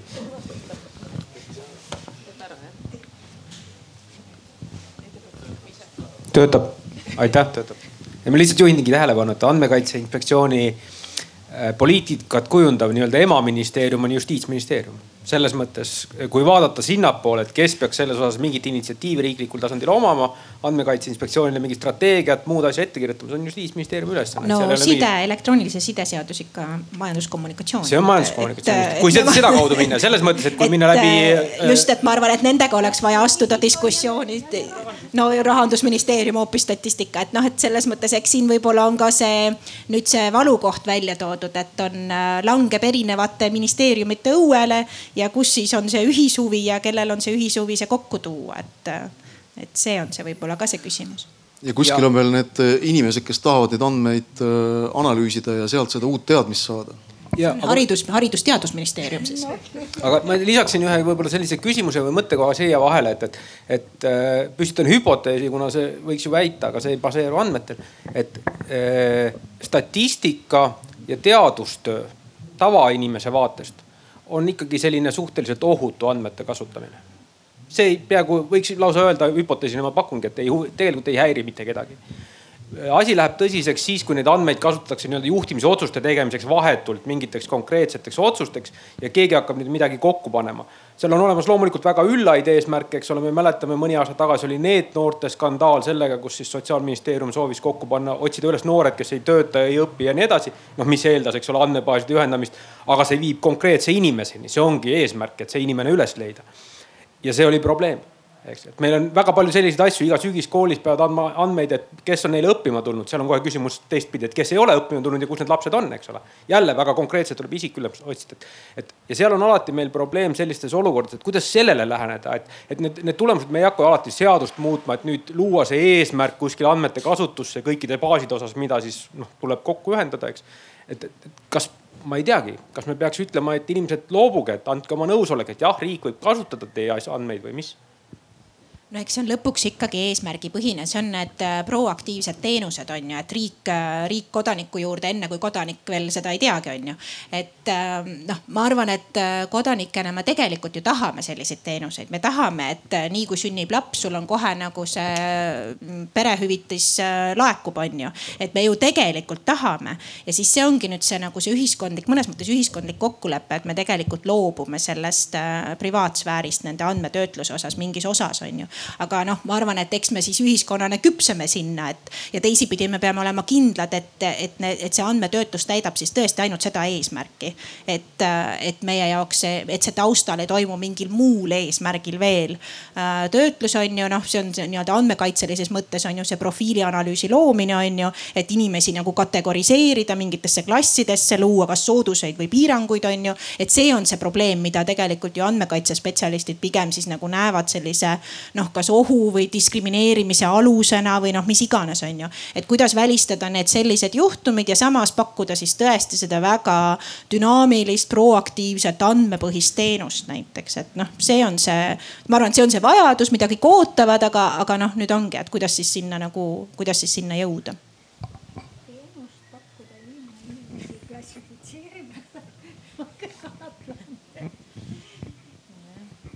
siin oli diskrimineerimisest äh, oli, oli juttu, aga me peame natuke mõtlema ka seda, et, et sellel diskrimineerimisel võib olla ka täiesti teistsugune ots või, või täiesti teistsugune väljund. Ehk äh, me peame jälgima ka seda, et kõik ühiskonna sotsiaalsed grupid saaks andmekogumisega kaetud, et, et ei tekiks seda diskrimineerimist teistpidiselt. Ehk meil puuduvad äh, teatud ühiskonnagruppide kohta andmed üldse, ehk siis nad jäävad kuidagi pimedasse nurka ja me ei saagi teada nende kohta informatsiooni sageli on nad haavatavamad äh, sotsiaalsed rühmad siin on just võib-olla eelis nendel kõiksetel suurandmetel, äh, mis tõepoolest äh, on pandud laekuma kõigi kohta, et vastandina valikuuring, kuigi ka seal on omad probleemid nagu seesama statistikaameti elukoha registreerimise probleem, eks ju. nii et ma kommenteeriks natukene sellelt madalamalt tasemelt, et praegu on jutt käinud ainult kõrgel teaduse tasemel, aga et mina esindan kohalikku omavalitsust ja sotsiaalosakonda. ja sellest, et proaktiivsed ja et kus on see piir, seda meie tunneme hästi valusalt. noh näiteks kui õiguskantsler ütles, et me enam puuetega laste nimekirju ei saa, panime lehte kuulutuse, andke teada, et kui teil on lapsi, me tahame teile jõulukinki teha ja siis lapsevanemad ütlesid, et aa nüüd peab kerjama kinke aga no midagi polnud teha, meil polnud enam nimekirju, mille alusel nagu kutsuda või teha. et kas siin on nagu piir ületatud või ei, kõik need küsimused on ju rasked aga ma tahaks natuke kommenteerida seda praktilist kasutust, et äh, kuna ma olen suhteliselt suures vallas, Saue vallas, siis äh, on vaja nagu suhteliselt ikkagi süsteemset asja üles ehitada ja selleks on vaja andmeid. ja ma olen seda aru saanud, et kui osata küsida, siis tegelikult saab ka täna päris häid andmeid noh näiteks, et kui ma tahan poliitikutele ära põhjendada, et teeme sellise või sellise toetuse niimoodi ümber, siis küsisin Sotsiaalkindlustusametist, et sellise vanusega, selliste puuetega, kes teenivad vähem kui vot see summa. Ja sain väga konkreetse numbri. Ja ma sain poliitikule täpselt näidata, et su tänane asi ei toimi, kui sa muudad seda nii, siis saavad sellest hüve palju rohkem ja see on palju paremini kohale jõudev asi ehk äh, seda tarkust ikkagi küsida on ka vaja ja sinna allapoole on vaja. teine asi, mida ma olen oma töös näinud, on see, et andmed ei, äh, isegi siis, kui andmetel on üks ja sama nimi, ei ole nad üks ja sama asi noh näiteks kui ma sain äh, kriisi ajal siseministeeriumilt üksik elavate eakate nimekirja, siis seal oli kaks tuhat kuussada nime nüüd äh, Sotsiaalkindlustusamet tegi meile strateegilist nõustamist ja ütles, et meil on üle kaheksasaja üksiku eaka ja siis ma küsisin neilt, et kuulge, et mis nüüd on, et te üks ütleb nagu kaks ja pool, teine ütleb kaheksasada ja te mõlemad kasutate üht sõna, et kuidas mina nüüd aru saan, palju mul siis tegelikult on. aga no siis ma sain aru, et üks räägib sellest, et seadus, kuidas on määranud, kellele üksiku eaka seda toetust makstakse, et tema loeb nii neid teine võttis rahvastikuregistrist kõik inimesed, kes on üksinda mingile aadressile registreerinud ja ütles, et need on üksikud. aga noh, tegelikult ma vaatasin nimekirja, neist väga oluline hulk oli hoopis hooldekodudes. Ehk äh, koroona ajal ei olnud minul temast eriti abistamist vaja. Ehk lõpuks ma ei kasutanud ka toda nimekirja, sest ma nägin, et need andmed, mis seal on, ei anna mulle tegelikult seda, mida ma vajaksin oma tööks ja siis äh, on mul veel üks kogemus, et me teeme hetkel koostööd Töötukassaga. ja nemad tohivad meile inimese kohta andmeid anda ainult siis, kui inimene nõusoleku on andnud. ja siis on äh, need inimesed siis, kes on nõusoleku andnud, neid on ainult paarkümmend tükki, nende puhul me näeme, kuivõrd kasulik tegelikult meil omavaheline infovahetus on ja tegelikult on seal nii inimese kasu kui kahju. kasu on sellest, et me saame täiendada üksteise infot ja saame koos arutada, kuidas me koos aidata saame. aga inimese enda huvide vastu võib olla see, et me saame ka teada, kus ta on infoga manipuleerinud. ja kus ta on ühele või teisele poolele tegelikult valeinfot rääkinud. aga kahe peale välja tuleb see välja ja mida ma veel sotsiaaltöös näen andmete ohuna on see, et kui keegi teine toodab andmeid, aga seda kasutatakse teise inimese nagu mingite otsuste jaoks. siis kui too tootja on halvasti tootnud, siis tuleb ka halb otsus. no seda me näiteks näeme töövõime hindamiste juures, et kui inimene, keda meie sotsiaaltöötajana näeme, et ta nagu ei ole võimeline, no ilmselgelt ei ole võimeline töötama aga kui perearst või eriarst on kirjutanud nagu vähe või, või kuidagi mitte hästi, siis ta määratakse, et tal on töövõime ja mingu tööle. et äh, statistikas on suur jõud ja nendes andmetes on õudselt suur väärtus, mida tahaks kasutada mida tahaks osata kasutada, et näiteks ühe valla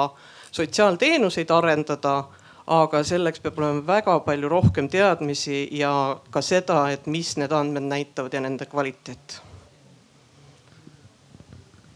aitäh kas keegi tahab? ma võin kommenteerida küll selles mõttes, et, et me Statistikaametis oleme ka ju väga paljude erinevate registriandmetega kokku puutunud, et see, et, et mis see definitsiooni taga on või mis see tegelikult see sisu on, et. et see on alati tegelikult nii sügavuti minek, et see noh, üks sõna ei ütle, ütle tegelikult midagi. et eh, tihti ma arvan, et ka kõigil, kes statistikaga tegelevad või andmeanalüüsiga ongi nii-öelda vahepeal selline selgeltnägija tunne, et sa pead nagu suutma, noh oletada või selles mõttes, sul peab see taust olema endal piisavalt suur, et sa suudad oletada, et, et need asjad ei lähe kokku, aga see võib olla sellepärast, et ja, ja, ja see tegelikult on noh, ei, ei tule muu kui kogemusega et selles mõttes, et äh, loomulikult tahaks, et kõik oskaksid andmeid noh, võimalikult täpselt ja, ja paremini kasutada, aga, aga üks osa sellest tuleb paratamatult ainult kogemusega. vähemasti selline on minu kogemus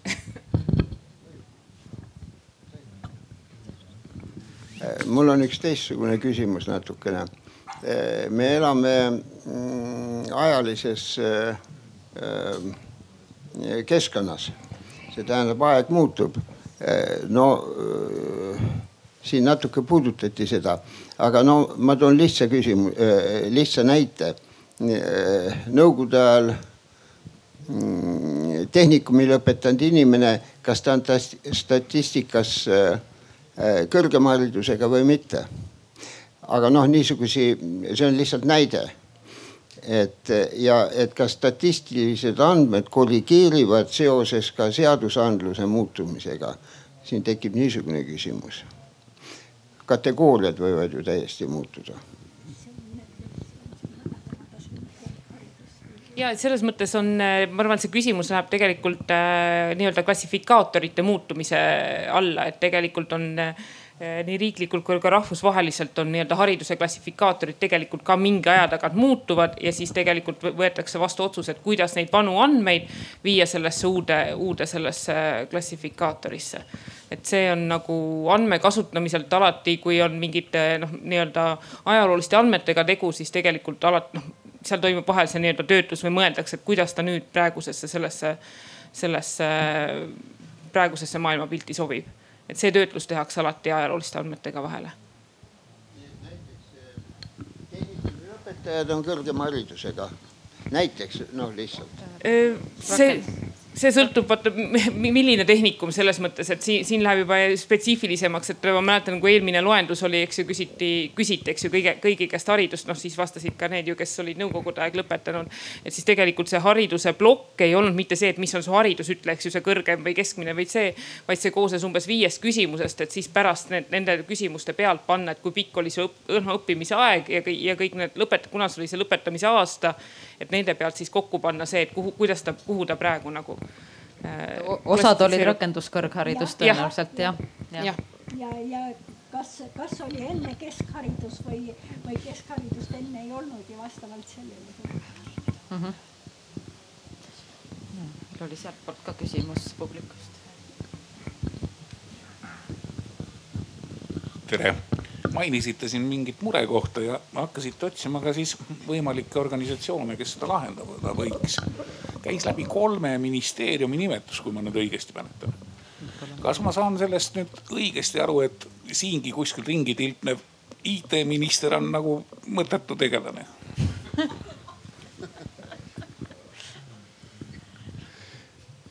mina vist olen süüdi, et mainisin. Ei, ma ei, ei ole seda mai öelnud eh, ja, ja ma kindlasti vaidlen sellele vastu. et eh, siin on lihtsalt eh, noh, kui me võtame enda töölauale ja, ja vaatame, siis kõigil meil on hästi palju tegemisi ja, ja, ja, ja, ja kui me võtame näiteks suurandmete kasutamise, siis see eeldab seda, et, et väga paljud erinevad osapooled peavad kokku tulema ja sellega lõpus ka nõus olema ehk, eh, ehk ma kujutan ette, et selliste keerukate teemade lahti arutamine ja seal kokkulepete saavutamine on lihtsalt nii keeruline protsess, aga, aga kindlasti kui vähegi võimalik, siis palun saage kokku ja, ja leppige kokku, et, et need on väga väärtuslikud andmed ja täna suures osas nad lihtsalt on kuskil serverites ja, ja koguvad tolmu selle asemel, et olla ühiskonna hüvanguks kasutusel. et ma võtaks sellest ühiskonna hüvangust kinni, et tegelikult see, mis me kõik siin räägime, et mida nende andmetega teha saaks, on nagu ühiskonna hüvanguks. samal ajal need regulatsioonid on siis niimoodi üksikisiku kaitseks, et mida me nagu võrdleme omavahel, on siis see ühiskonna hüvang ja üksikisiku kaitse. ja tundub nagu kõik regulatsioonid on sinna üksikisiku poole kaldu või, või kas need regulatsioonid ei ole kuidagi balansist väljas praegu või et kas, kas võib-olla, võib-olla Silja tahab siin midagi muuta? muuta, revolutsiooni teha. ei, äh, tegelikult ju andmekaitse üldmäärus ei ole meil ainult niimoodi andmesubjekti, äh, noh andmesubjektist lähtuv küll, aga seal on tegelikult ju need äh, avalikes huvides ja, ja statistika eesmärgil ja teadusarenduse eesmärgil ja kõik need erandid on ju tegelikult seal sees, nad on täna ka seal sees. aga seal on ka suures osas jäetud veel ka liikmesriikidele võimalust enda regulatsioone luua, näiteks noh, mõnes osas ka võib-olla karmistada või, või mõelda nii nii-öelda oma, oma liikmesriigi põhiselt äh, neid lahendusi, on ju. et tegelikult ma arvan, et seal on ka võib-olla ruumi ja, ja võimalust äh, asja edasi arendada ja just tehagi nagu vaadatagi selle, mina mõtlen just praegu, kui me noh, vot oluline on ikkagi see, et mis eesmärgil neid andmeid töödeldakse, on ju. riiklik statistika on ikkagi üks eraldi eesmärk, teadus-arendustegevus on teine eesmärk ja siis nii-öelda esmased äh, andmekasutusjuhud, olgu see siis tervishoiuteenuse osutamiseks või, või tõesti sideteenuse osutamiseks, et need on need esmased kasutusjuhud on ju. et, ähm, et, äh, et tegelikult võib-olla tuleb täna lihtsalt vaadata ka nii-öelda liikmesriigi tasandil, Eesti tasandil, et võttagi see nii-öelda meile jäetud regulatsiooniruum ja vaadata, et kas me oleme siis seda piisavalt hästi ära kasutanud meie enda ühiskonna hüvanguks. või me oleme võtnud nii-öelda mingisuguse noh, kas nii-öelda miinimumprogrammi või maksimumprogrammi ja teinud siis sellest tollel hetkel lähtuvad otsused, ega, ega kui seda andmekaitsemäärust ka loodi ja, ja sellele otsa siis isikuandmete kaitse seadus Eestis. ma arvan, et too hetk ka võib-olla ei, ei mõeldudki kõiki neid juhtumeid välja. täna on võib-olla lihtsalt aeg äh, uuendusteks, läbivaatuseks, äh, uuesti läbihindamiseks, milleks me, me vajame, mida me saame teha ja kus on siis see meie õiguslik ruum, kus me saame tegutseda ja mis on nii-öelda liikmesriigile jäetud nii-öelda äh, ruum, on ju, et, et minu arust äh, sihuke normaalne on, et sellist nagu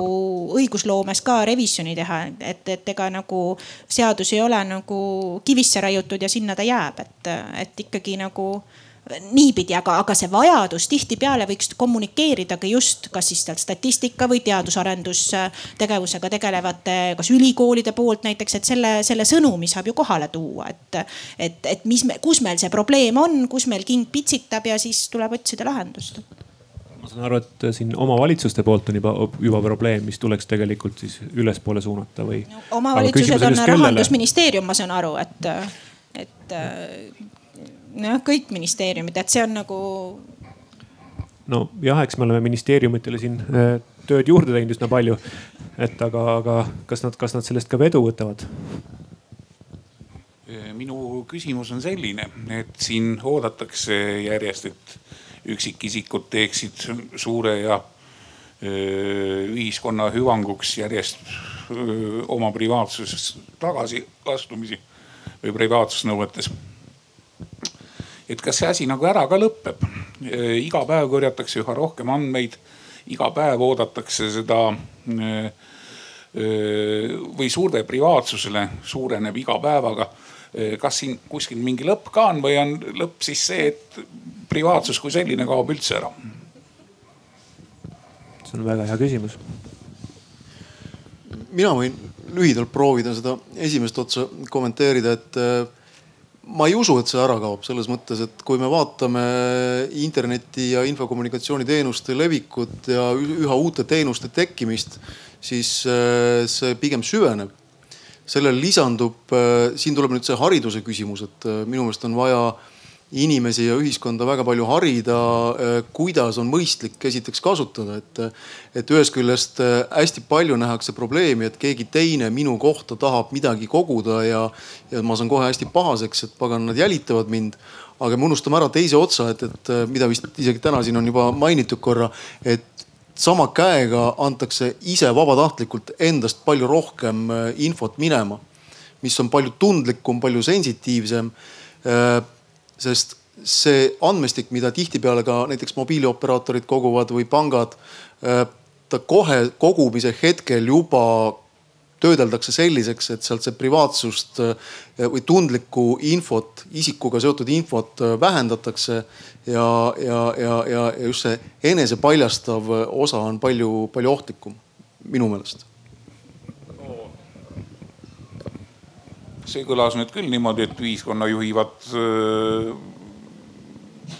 öö, rumalad.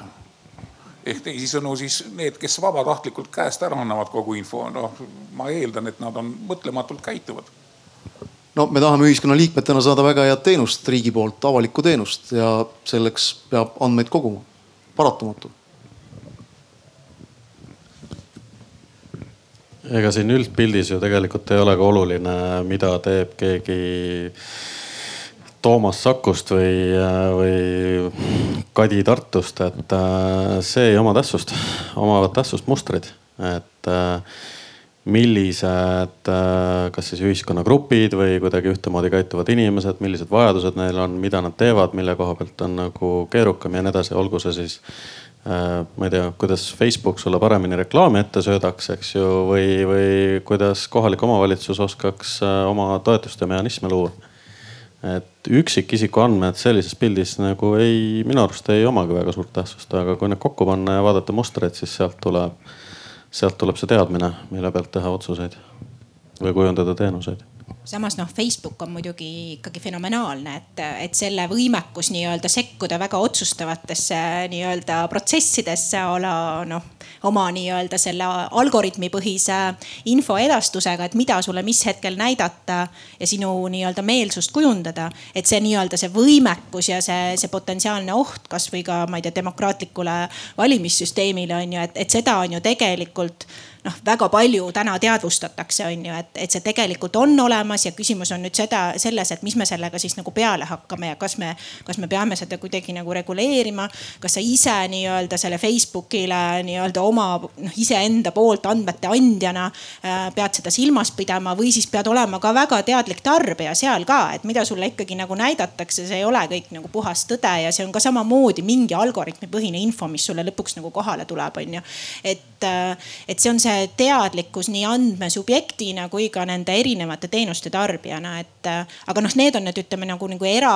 erasfääri ja ütleme, sellised tehnoloogilised innovatiivsed arendused. ja seal ma küll ei usu, et nüüd see sein, sein kuskil ette tuleb, et, et, et noh, et riik Äh, ei peakski sinna üldse, ma arvan, sekkuma selles mõttes, et ütlema, et kuulge nüüd stopp on ju, et lõpetage ära, et. et ma arvan, et siin on ikkagi küsimus pigem selles regulatsioonis, selles rakenduses, järelevalves ja inimeste teadlikkuse tõstmises, see on nagu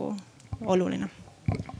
Facebook on ka vist näide selles, et noh, et, et siin ongi nagu kahest erinevast asjast saame rääkida. üks asi on see, et kogutakse need andmed kokku, siis tehakse sellelt mingi üleüldine analüüs, sellest tehakse, selle põhjal tehakse mingi üleüldine juhtimisotsus või mingi struktuuriotsus või kasvõi see otsus, kuhu paigutada, ma ei tea, raudteejaam või bussipeatus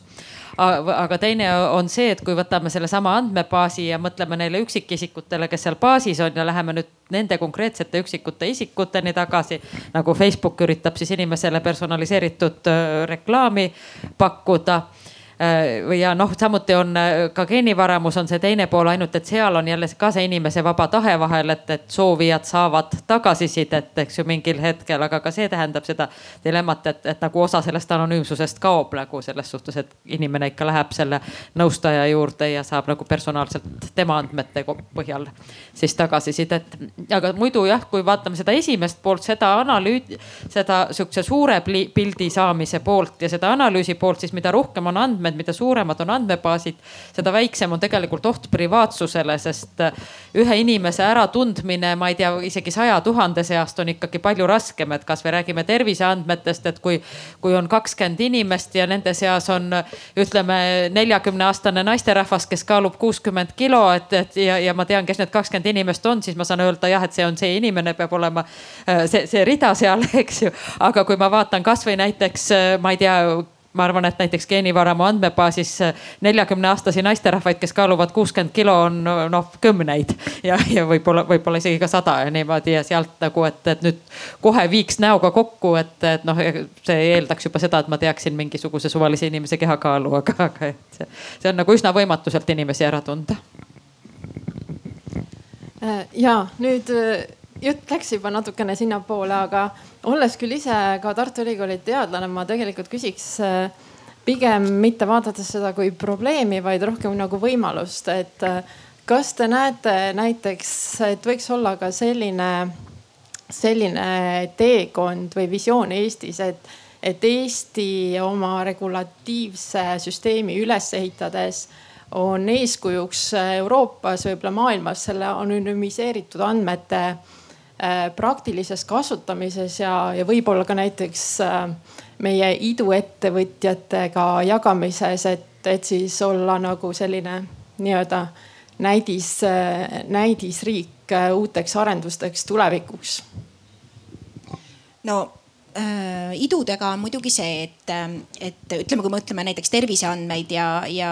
ja iduettevõtlust, et üks asi on see, et sul on äh, nii-öelda pseudonüümiseeritud andmed, aga tihtipeale sul on vaja ikkagi neid isikustatud andmeid, on ju. et, et sa sealt seda teenust saaksid edasi pakkuda. noh, nüüd on küsimus selles, et täna meil ütleme tervise infosüsteemis on ju ports andmeid olemas, et kas me võiksime neid andmeid kasutada äh, selleks, et mingeid jätkuvaid teenuseid edasi pakkuda, et milleks äh, noh, ja lisaks siis tekib hiljem juurde, on ju, kas sealt, sealt äpist või kust iganes teenusest veel, on ju. aga et see esimene ports andmeid, et, et kas seda võiks nagu näiteks kasutada ka ütleme ettevõtluse vaates, no why not on ju, täna on ju äh, minu teada MKM veab seda nõusoleku platvormi arendustee projekti on ju. et tegelikult äh, läbi nõusolekute haldusplatvormi iga inimene saab nagu tegelikult anda oma nii-öelda väga selge nõusoleku, anda siis selle nõusoleku sellele andmekogu pidajale täna ja öeldagi, et mina soovin, palun väga, et minu andmed jõuaksid selle ettevõtteni, on ju. noh, et see on ju täna täiesti arenduses äh, projekt ja arvatavasti küll ta siis üks hetk ka tuleb, et ma ei oska nagu vastust äh, anda siin, et, et millal ta tuleb, aga sellega tegelikult ju tegeletakse, et.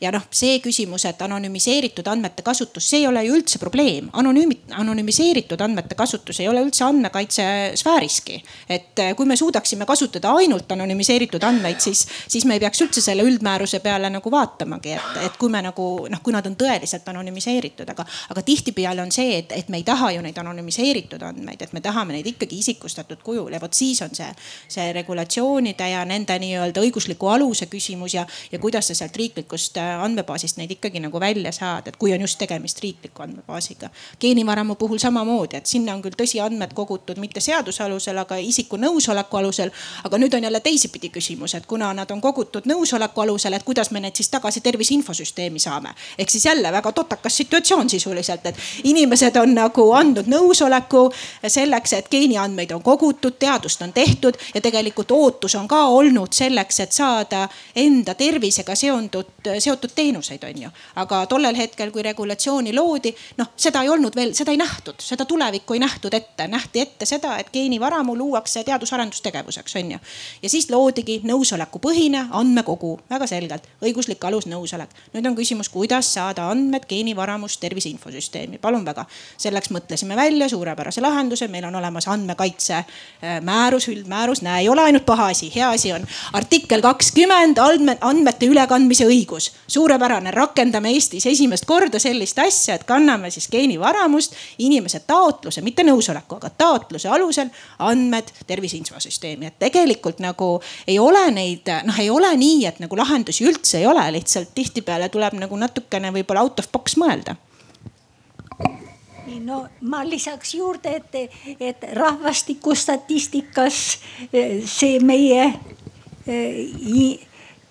residentsusindeksite ja niisugune süsteem, see on üks asi, mida, mida eriti palju teistes riikides ei ole. ja noh,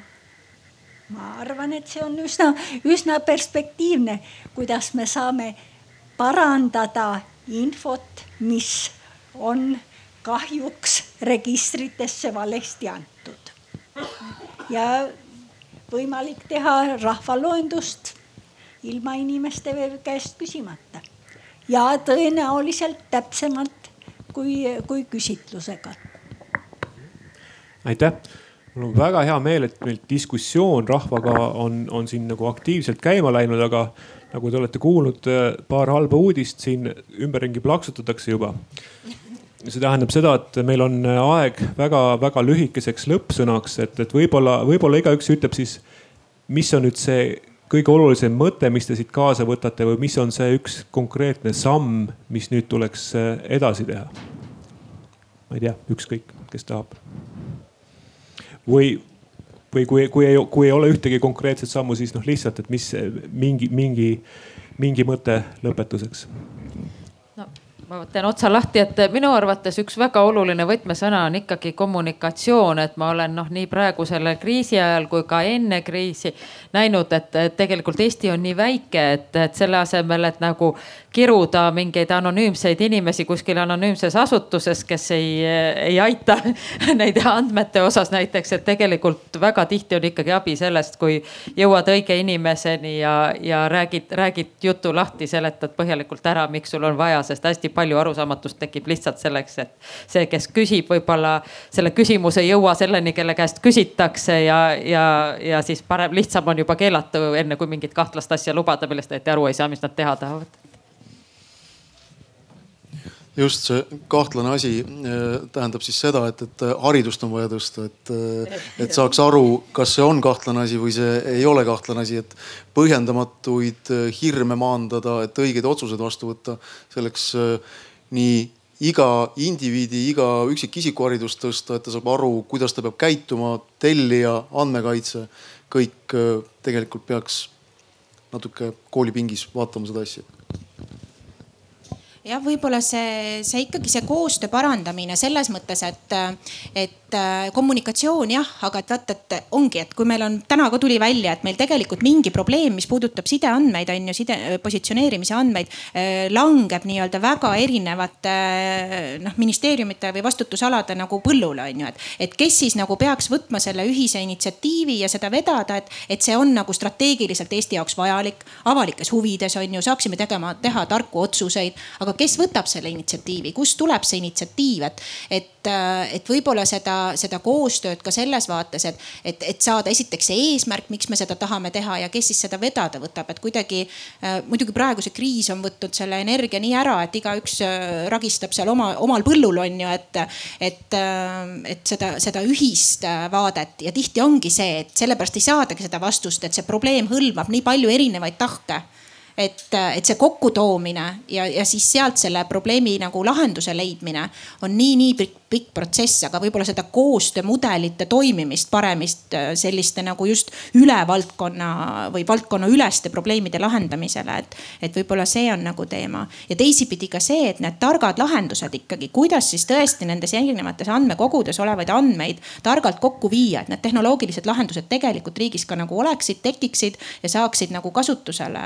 nagu aktiivselt, on ju. et, et täna meil on andmed, meil on inimesed, kes tahavad andmeid töödelda, et meil on ka tegelikult tegelikult teada, et on mingid tehnoloogilised võimekused, aga nüüd tuleb see süsteem nagu toimima saada, et, et kindlasti see, need asjad, et ja muidugi haridus loomulikult ka, why not, kõikide toetan sada protsenti. Et ma arvan, üldine mõte on vist meil kõigil see oluline, et statistika ja andmed on olulised, et ilma nendeta me ei, me kuidagi ei saa. ja samas äh, ükskõik kui fantastilised võivad olla meie eesmärgid või mõtted, kuidas me neid kasutada saaksime, siis andmekaitse pool on see, mida me ei peaks nagu ära unustama selle juures nojah, rohkem, rohkem head tahet, üksteise usaldamist ja, ja vähem võib-olla niisugust arvamust, et teised teised on rumalad või teised, teised ei saa asjast aru või, või veel enam, et teised püüavad midagi halba teha. aitäh